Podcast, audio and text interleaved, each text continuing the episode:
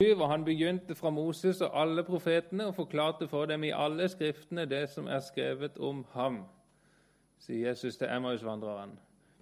Og likeså i Johannes 5, 39, dere gransker Skriftene fordi dere mener dere har evig liv i dem.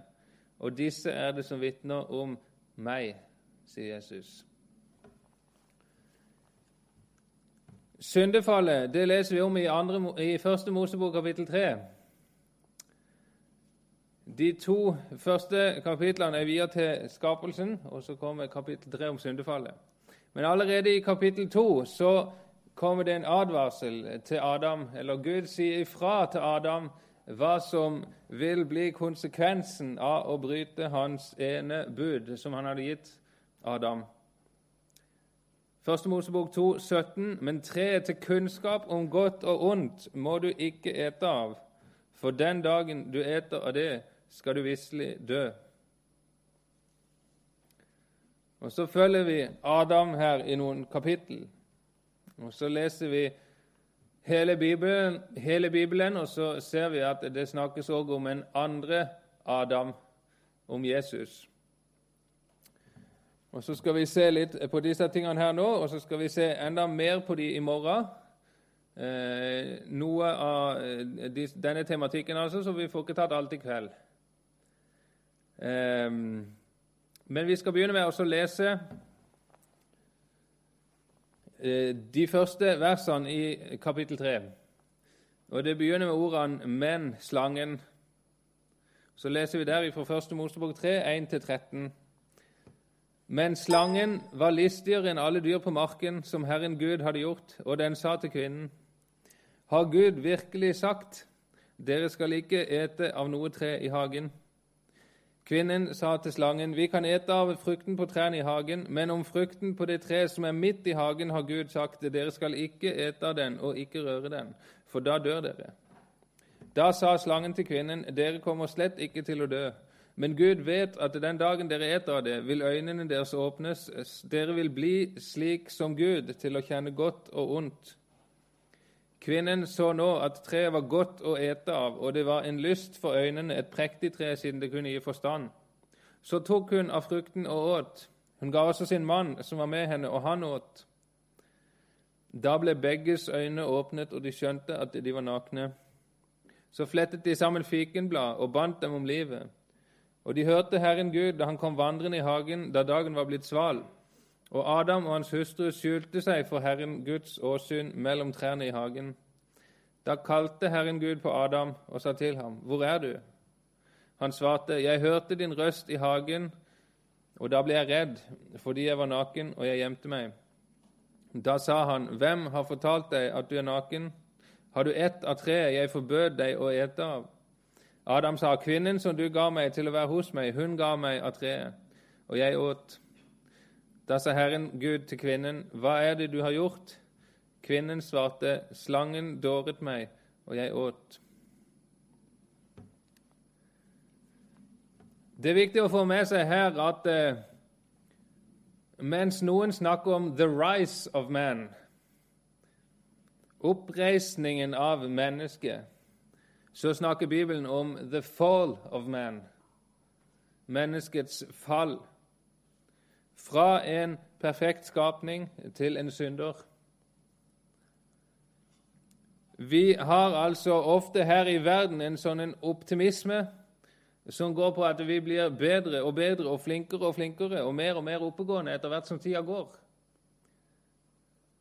I et bibelsk perspektiv så er det som skjedde på denne dagen, egentlig begynnelsen på slutten. Derfor så sier også en dansk forfatter som heter Paul Hoffmann jeg er optimist, jeg tror på jordens undergang. Jeg er optimist, jeg tror på jordens undergang. Det perspektivet det skal vi få lov å ha når vi tror på Jesus. For han har sagt at det kommer en dom over denne jorda. Det at det en dag skal komme en dom over denne jorda, det er ikke skremselspropaganda, men det er et evangelium. En dom over ondskapen, en dom over synden, er et evangelium for oss mennesker. Hvis vi har fulgt litt med på nyhetene de siste, de siste årene i forhold til India, så ser vi at det har vært store demonstrasjoner over det landet, eller rundt i det landet som følge av at myndighetene ikke dømmer. Folk har altså gått i gatene og demonstrerte fordi at myndighetene ikke tar tak i de lovbruddene som skjer, og dømmer de skyldige. Men ondskapen får vokse fritt.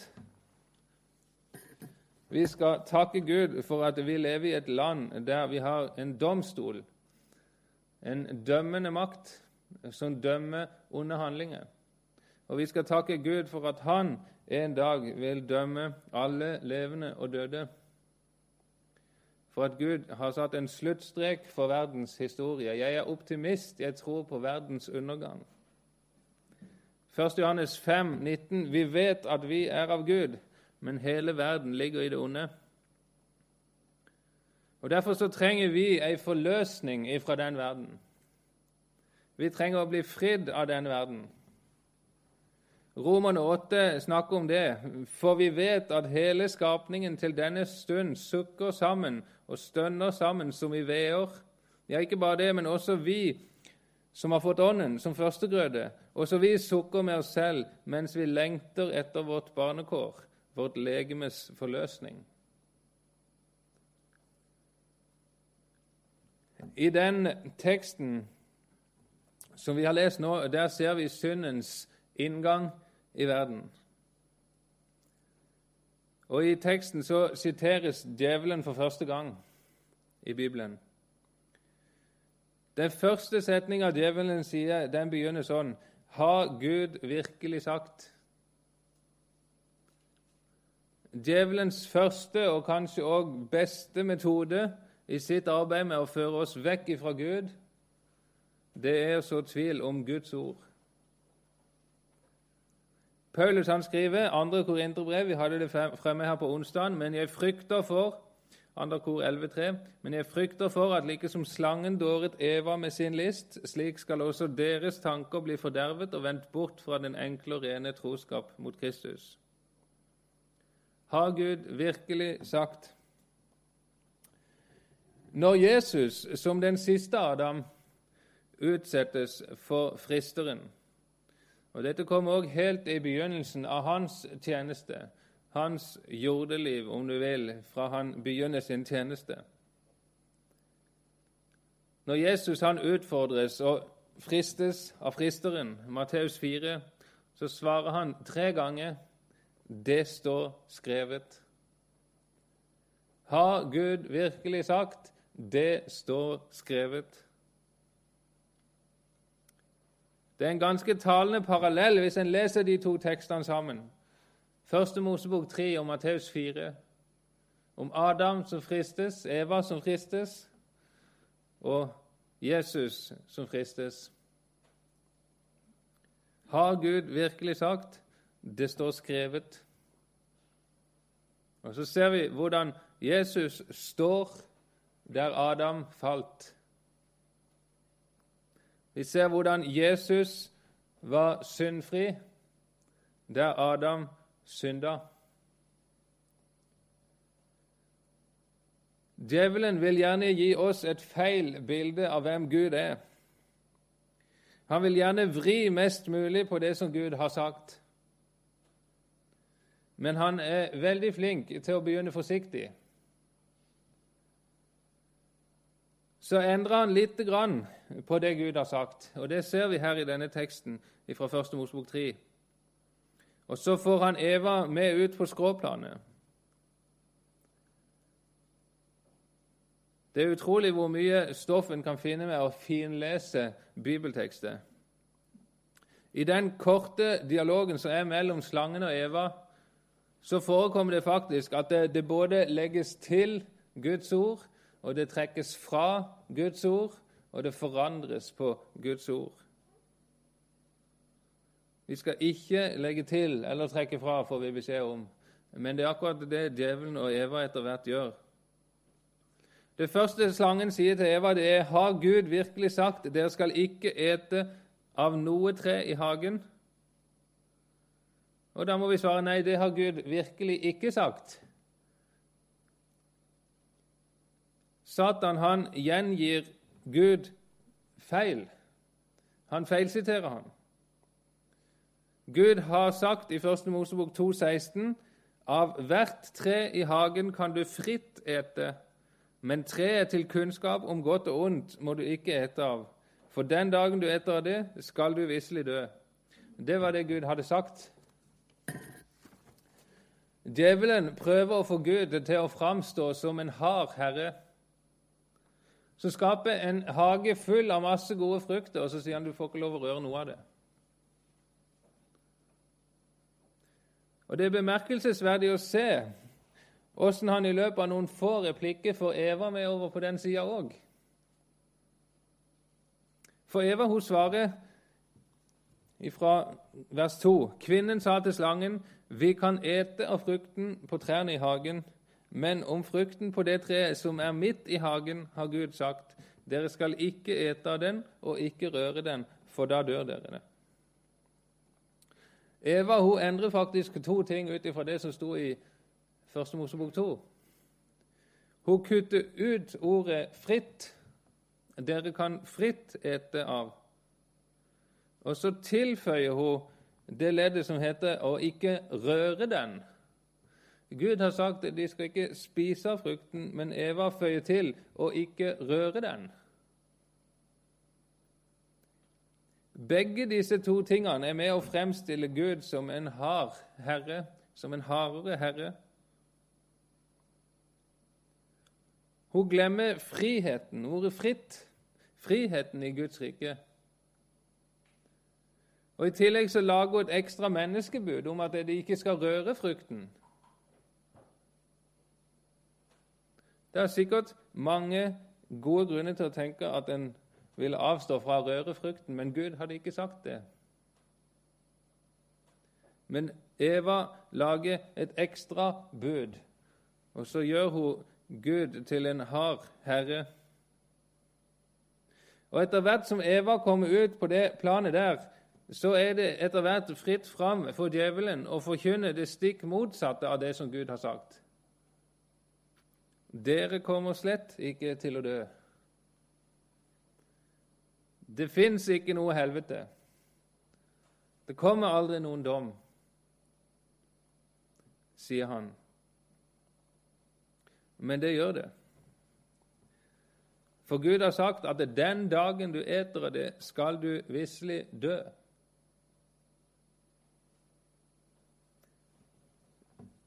Vi må inn på det med døden. Døden var der ikke i utgangspunktet. Døden er et resultat av syndefallet. Til slutt blir det òg sånn at døden ikke skal være der lenger. Åpenbaringen 21,4 så står det han skal tørke bort hver tåre av deres øyne, og døden skal ikke være mer, og ikke sorg og ikke skrik og ikke pine skal være mer, for de første ting er veket bort. Og Åpenbaringen 2014 får vi enda mer detaljer på dette. Og døden og dødsriket ble kastet i ildsjøen. Dette er den annen død, ildsjøen. Så det ender på en måte med at døden dør.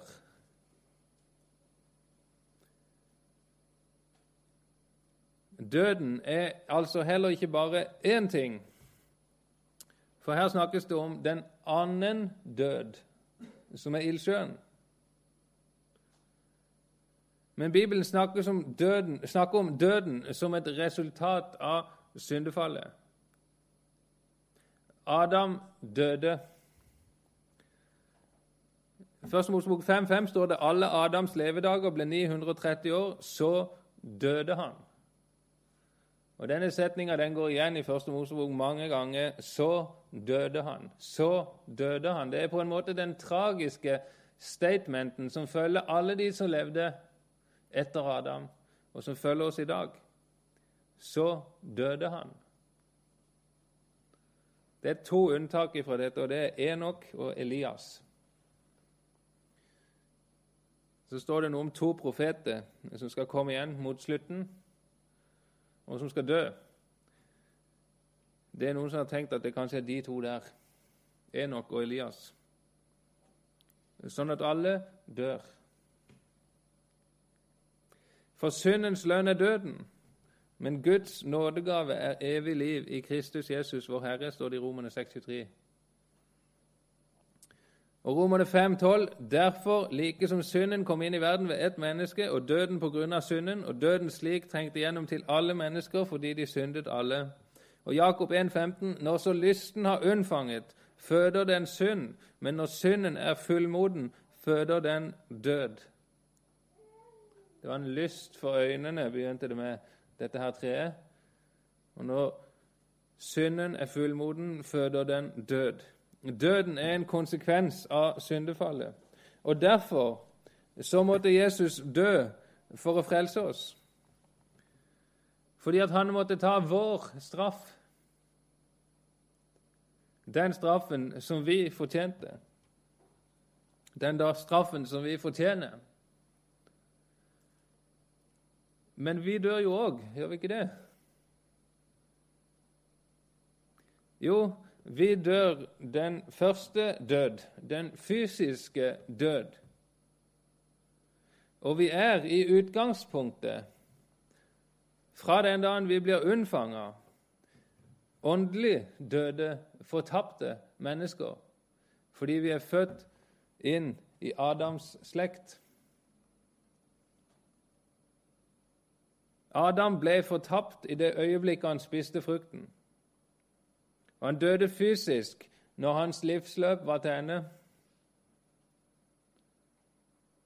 Men om Adam skal oppleve den andre død, ildsjøen, det avhenger av om han trodde profetiene om Guds frelse som ble gitt ham.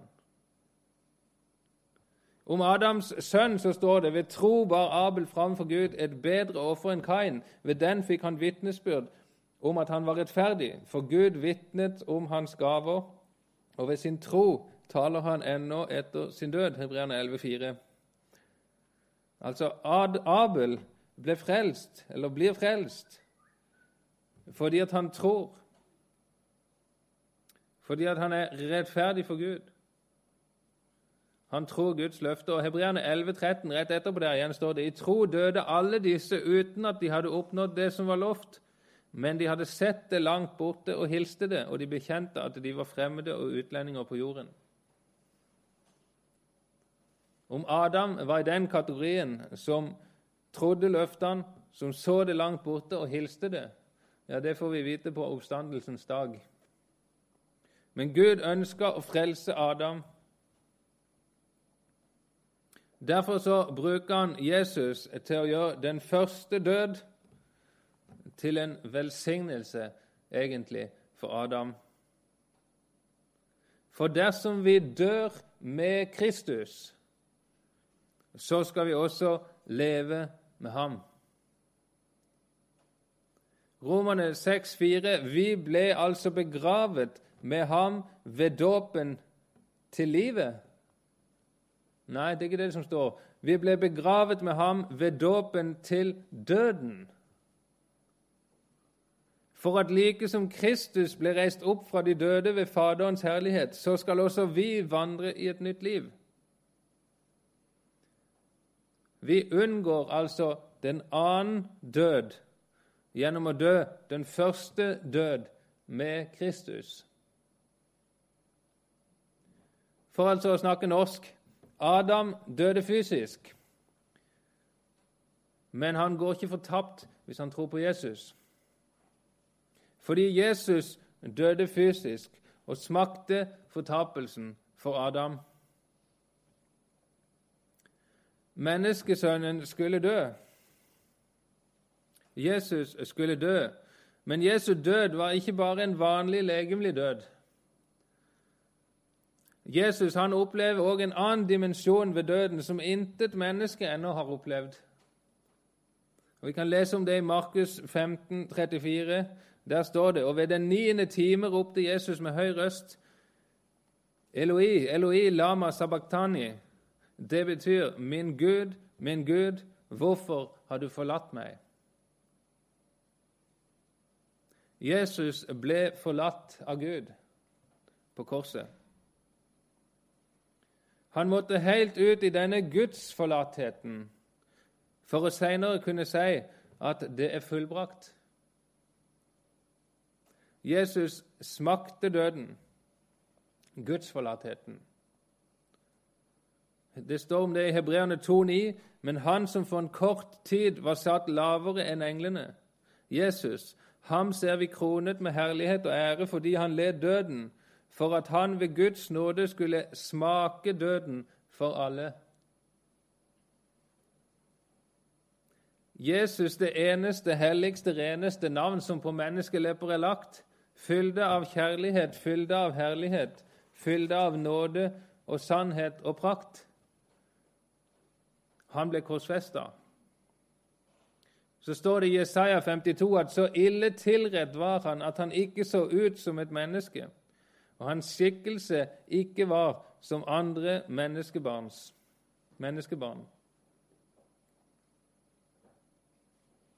Og Det er litt spesielt hvis en går inn og leser det i den hebraiske teksten, for så står det så ille tilrett var han at han ikke så ut som en Adam, et menneske. Adam, samme ordet på hebraisk.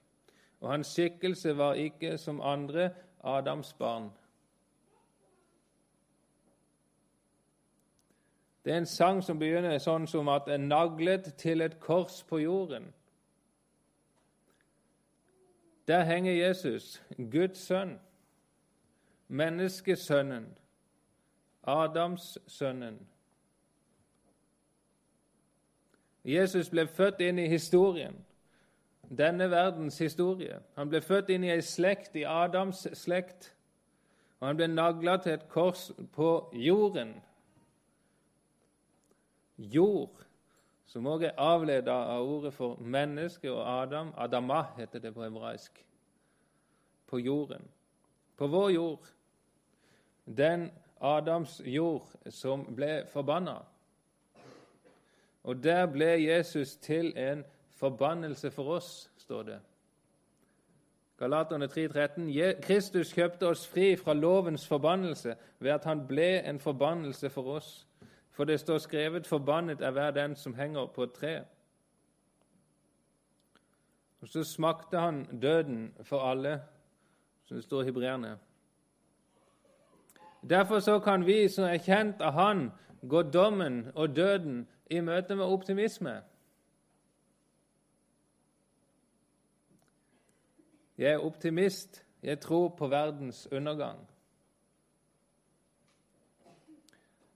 Og Så skal vi legge merke til en annen ting her.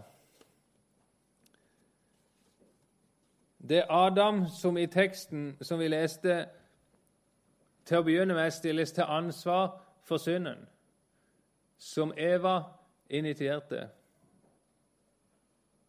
Det er litt spesielt at Gud går og så sier han, 'Hvor er du, Adam?' Det er veldig flott at Gud går og så sier, 'Hvor er du, Adam?' For han oppsøker og frelser det som er fortapt søker å frelse det som er fortapt. Og Det er flott å lese hvordan både Adam og Eva sier 'jeg åt' etter alle sine bortforklaringer først.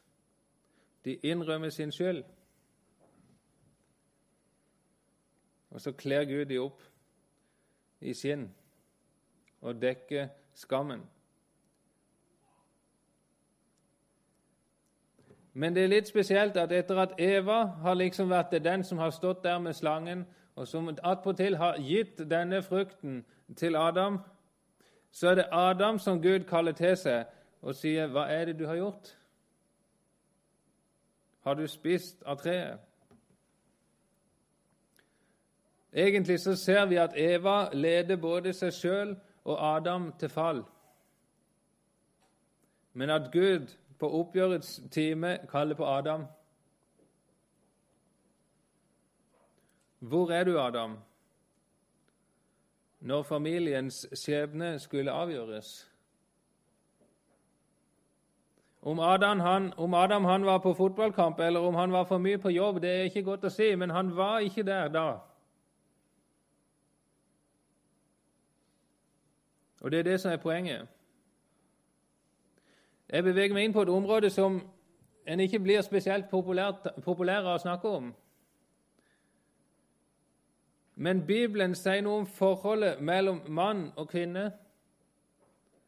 Og det er faktisk nokså relevant i denne sammenhengen som vi er i nå òg. Altså Jesus i urhistorien. Vi ser det før syndefallet, at Eva skapes som en hjelper som skulle være hans like. Og vi ser det etter syndefallet, hvordan Gud holder Adam ansvarlig først og fremst for det Eva har gjort. Gud holder mannen ansvarlig for familien hans. Og du som er mann og har familie, du har et åndelig ansvar for din familie. Det er sånn Bibelen, både i Gamle og Nye testamentet, legger det inn over oss. Vi har akkurat det samme bildet som i Første Mosebok 3 når vi kommer til første kongebok og ser på fortellinga om kong Akab og dronning Jesabel. Akab han har lyst på en ny vingård, han har lyst på naboeiendommen til slottet, men den er det naboet som eier. Og Derfor så blir han, eh, Akab en sånn en sutrekopp som legger seg inn og ikke vil spise, fordi at han får ikke lov å få kjøpt denne vingården. Og Så kommer dronning Jesabel, og så ordner hun opp. og Så ordner hun det sånn at, eh, at, at nabot, naboen blir drept. Og Så går hun og sier fra til Akab etterpå at nå er nabot død. Nå kan du gå og overta den vingården som du hadde lyst på. Og Så går Akab og overtar vingården. Og Så ser Gud dette som skjer, og så sender han profeten Elia til Akab. Det kan være liten tvil om at hvis du tenker sånn vanlig norsk juss, så var det Jesabel som ene og alene sto ansvarlig for drapet av Nabot. Og Dere kan lese historien i første kongebok 21.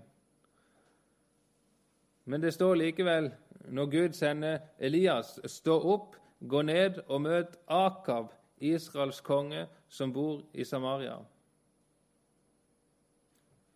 Og så skal Elias si fra til han. Bibelen lærer likeverd mellom mann og kvinne. Bibelen lærer likeverd mellom mann og kvinne. Men den lærer ikke nødvendigvis likestilling. Likestilling er bra på mange områder, likt lønn, lik lønn for likt arbeid osv. Men på noen områder så lærer Bibelen oss at mann og kvinne skal ha forskjellige funksjoner. Jeg har ofte tenkt at Adam han blir frista nesten på lik linje som Eva til å spise av dette treet. Sånn har jeg egentlig tenkt veldig lenge. At Adam og Eva de blir på en måte utsatt for den samme type fristelse her. Og de fristes overmåte, og så tar de et bit av dette her eplet, eller hva slags frukt det nå var.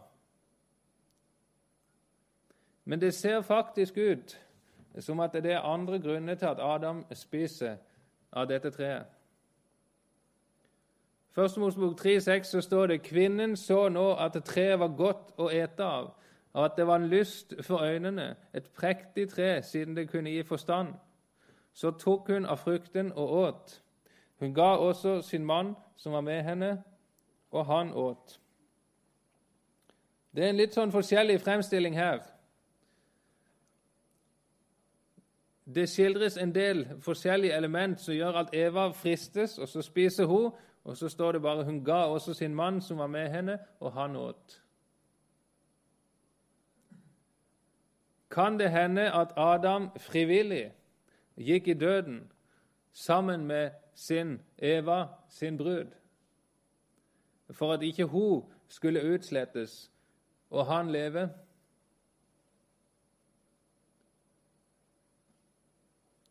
Første gang jeg møtte den tanken, så tenkte jeg nei, det kan ikke stemme. Men så leste jeg videre her.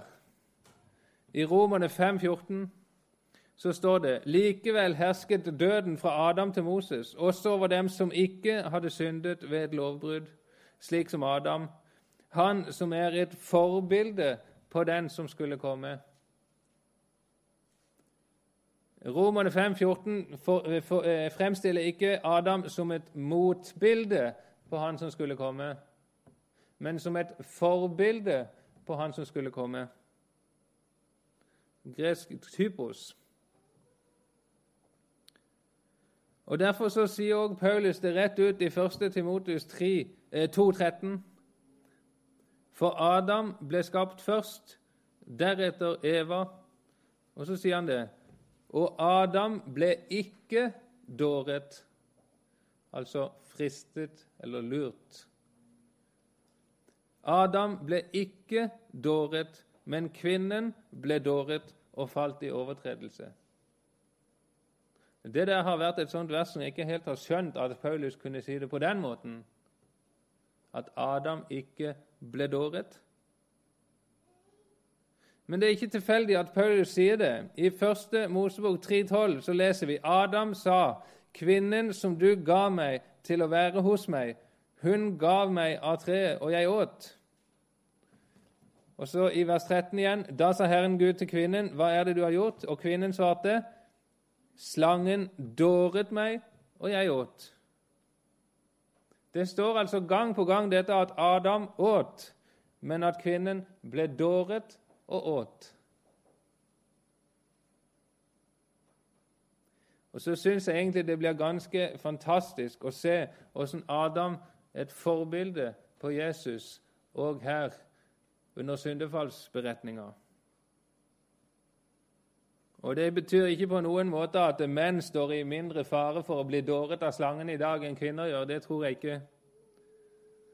Men det er noe her i denne teksten som peker fram mot den, Adam, mot den andre Adam som skulle komme. Adam går i døden for sin brud. Vi vil gjerne likestilling.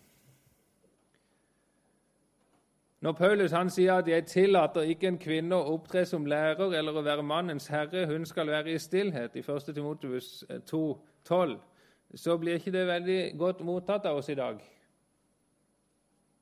Men for Paulus og for Guds ord så er dette en konsekvens av både skapelsen og syndefallet. Det påfølgende verset, altså begrunnelsen for det Paulus der sier, det er nettopp disse versene. For Adam ble skapt først, og Adam ble ikke dåret, men kvinnen ble dåret og falt i overtredelse. Altså skapelsen og syndefallet. Mannen gis på bakgrunn av dette ansvaret som familiens hyrde og som menighetens hyrde. Han har ansvaret, og derfor sier Gud, 'Adam, hvor er du?' Og En dag så skal alle mennesker innhentes av akkurat det spørsmålet. Og så skal vi stilles til ansvar. Og så kommer det en dag der Jesu brud skal stå foran trona. Og Så kommer vi til å stå der med epleskrotten i hånda. Og så skal det ikke lenger være noen av oss som ønsker likestilling i vårt forhold til Jesus. For da er det Jesus som trer fram, og så er det han alene som tar ansvaret. Og så sier han, 'Jeg smakte døden for deg. Det er fullbrakt.' Og så reverserer han hele syndens nattverdsmåltid i eden. Og så sier han, 'Ta dette og et det.' Dette er mitt legeme som gis for dere. Og den dagen skal brudens lyst i sannhet stå til sin brudgom, til Jesus. Kjære Jesus, det er, ikke så van eller det er vanskelig å få tak på disse tingene.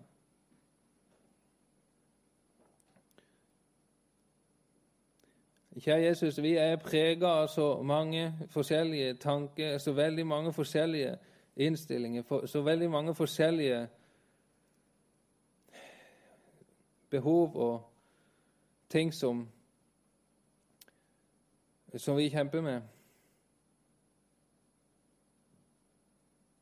Men kjære far, måtte du gjøre det sånn at vi i forholdet til deg er prega av ei tro på at du har tatt ansvaret alene for vår frelse. Takk for at vi skal få stole på at du har gjort alt ferdig.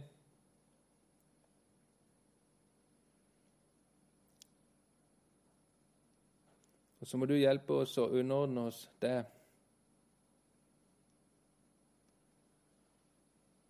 Nå ber jeg for dette som vi har vært sammen om nå, for alle som har hørt, at du må bevare dine ord i våre hjerter.